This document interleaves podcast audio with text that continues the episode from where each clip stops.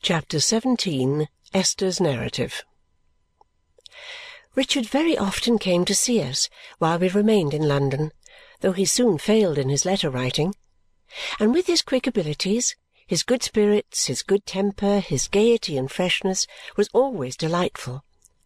But though I liked him more and more the better I knew him, I still felt more and more how much it was to be regretted that he had been educated in no habits of application and concentration.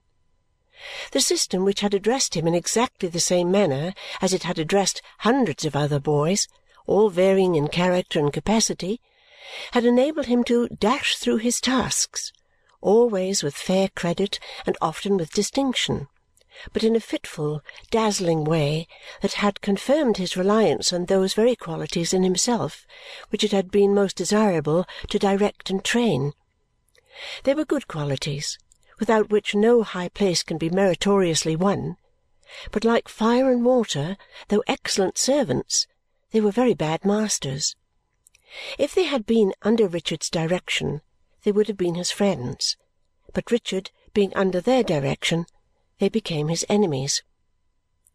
I write down these opinions not because I believe that this or any other thing was so because I thought so, but only because I did think so, and I want to be quite candid about all I thought and did.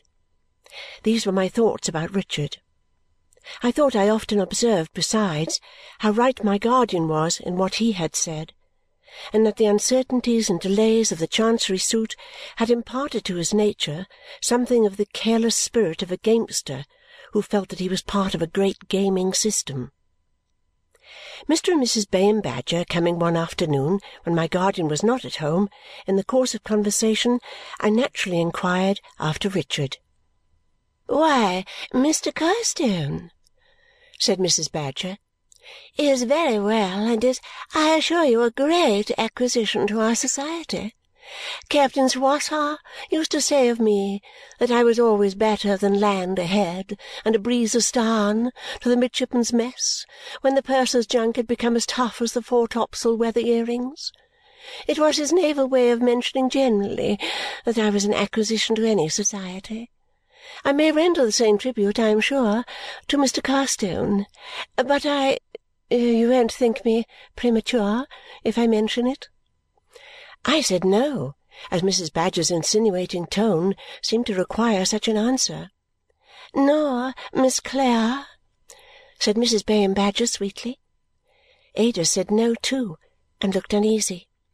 "Why, you see, my dears," said Mrs. Badger, "you'll excuse me calling you my dears." We entreated Mrs. Badger not to mention it because you really are, if I may take the liberty of saying so," pursued Mrs. Badger, "so perfectly charming. You see, my dears, that although I am still young oh, Mr. Badger pays me the compliment of saying so." "No!" Mr. Badger called out like some one contradicting at a public meeting. "Not at all!" "Very well," smiled Mrs. Badger. We will say still young." "Undoubtedly," said Mr. Badger. "My dears, though still young, I have had many opportunities of observing young men. There were many such on board the dear old Crippler, I assure you. After that, when I was with Captain Swosser in the Mediterranean, I embraced every opportunity of knowing and befriending the midshipmen under Captain Swosser's command. You never heard them called the young gentlemen, my dears, and probably would not understand allusions to their pipe-claying, their weekly accounts. But it is otherwise with me, for blue water has been a second home to me, and I have been quite a sailor. Again, with Professor Dingo." "A man of European reputation," murmured Mr. Badger. "When I lost my dear first and became the wife of my dear second," said Mrs. Badger, speaking of her former husbands as if they were parts of a charade, "I still enjoyed opportunities of observing youth. The class attendant on Professor Dingo's lectures was a large one, and it became my pride, as the wife of an eminent scientific man, seeking herself in science the utmost consolation it could impart, to throw our house open to the students as a kind of scientific exchange. Every Tuesday evening there was lemonade and a mixed biscuit for all who chose to partake of those refreshments, and there was science to an unlimited extent. Remarkable assemblies those, Miss Summerson, said Mr. Badger reverentially. There must have been great intellectual friction going on there under the auspices of such a man. And now, pursued Mrs. Badger, now that I am the wife of my dear third, Mr. Badger, I still pursue those habits of observation which were formed during the lifetime of Captain Swosser and adapted to new and unexpected purposes during the lifetime of Professor Dingo. I therefore have not come to the consideration of Mr. Carstone as a neophyte, and yet I am very much of the opinion, my dears, that he has not chosen his profession advisedly. Ada looked so very anxious now that I asked Mrs. Badger on what she founded her supposition. My dear Miss Summerson, she replied, on Mr. Carstone's character and conduct. He is of such a very easy disposition that probably he would never think it worth while to mention how he really feels, but he feels languid about the profession. He has not that positive interest in it which makes it his vocation. If he has any decided impression in reference to it, I should say it was that it is a tiresome pursuit. Now, this is not promising. Young men like Mr. Allan Woodcourt, who take it from a strong interest in all it can do, will find some reward in it through a great deal of work for a very little money and through years of considerable endurance and disappointment. But I am quite convinced that this would never be the case with Mr. Carstone. Does Mr. Badger think so too? asked Ada timidly. Why, said Mr. Badger. To tell the truth, Miss Clare, this view of the matter had not occurred to me until Mrs. Badger mentioned it. But when Mrs. Badger put it in that light, I naturally gave great consideration to it, knowing that Mrs. Badger's mind, in addition to its natural advantages, has the rare advantage of being formed by two such very distinguished, I will even say illustrious, public men as Captain Swosser of the Royal Navy and Professor Dingo. The conclusion at which I have arrived is, in short, is Mrs. Badger's conclusion. It was a maxim of Captain Swosser's, said Mrs. Badger, speaking in his figurative naval way, that when you make pitch hot, you cannot make it too hot, and if you only have to swab a plank, you should swab it as if Davy Jones were after you. It appears to me that this maxim is applicable to the medical as well as to the nautical profession. To all professions, observed Mr. Badger. It was admirably said by Captain Swosser. Beautifully said. People objected to Professor Dingo when we were staying in the north of Devon after our marriage, said Mrs. Badger, that he disfigured some of the houses and other buildings by chipping off fragments of those edifices with his little geological hammer, but the professor replied that he knew of no building save the Temple of Science. The principle is the same, I think. Precisely the same, said Mr. Badger. Finely expressed. The professor made the same remark, Miss Summerson, in his last illness when, his mind wandering, he insisted on keeping his little hammer under the pillow and chipping at the countenances of the attendants. The ruling passion. Although we could have dispensed with the length at which Mr. and Mrs. Badger pursued the conversation, we both felt that it was disinterested in them to express the opinion they had communicated to us and there was a great probability of its being sound. We agreed to say nothing to Mr. Jarndyce until we had spoken to Richard, and as he was coming next evening, we resolved to have a very serious talk with him. So after he had been a little while with Ada, I went in and found my darling, as I knew she would be, prepared to consider him thoroughly right in whatever he said. "And how do you get on, Richard?" said I. I always sat down on the other side of him. He made quite a sister of me. "Oh, well enough," said Richard. "He can't say better than that, Esther, can he?" cried my pet triumphantly. I tried to look at my pet in the wisest manner, but of course I couldn't. "Well enough?" I repeated. "Yes," said Richard. "Well enough. It's rather jog-trotty and humdrum, but it'll do as well as anything else." "Oh, my dear Richard!" I remonstrated. "What's the matter?" Said Richard. "Do as well as anything else?" "I don't think there's any harm in that, Dame Durden," said Ada, looking so confidingly at me across him, "because if it will do as well as anything else, it will do very well, I hope." "Oh, yes, I hope so," returned Richard, carelessly tossing his hair from his forehead. "After all, it may be only a kind of probation till our suit is Oh, I forgot, though. I'm not to mention the suit. Forbidden ground. Oh, yes, it's all right enough. Let us talk about something else." Ada would have done so willingly, and with the full persuasion that we had brought the question to a most satisfactory state, but I thought it would be useless to stop there. So I began again.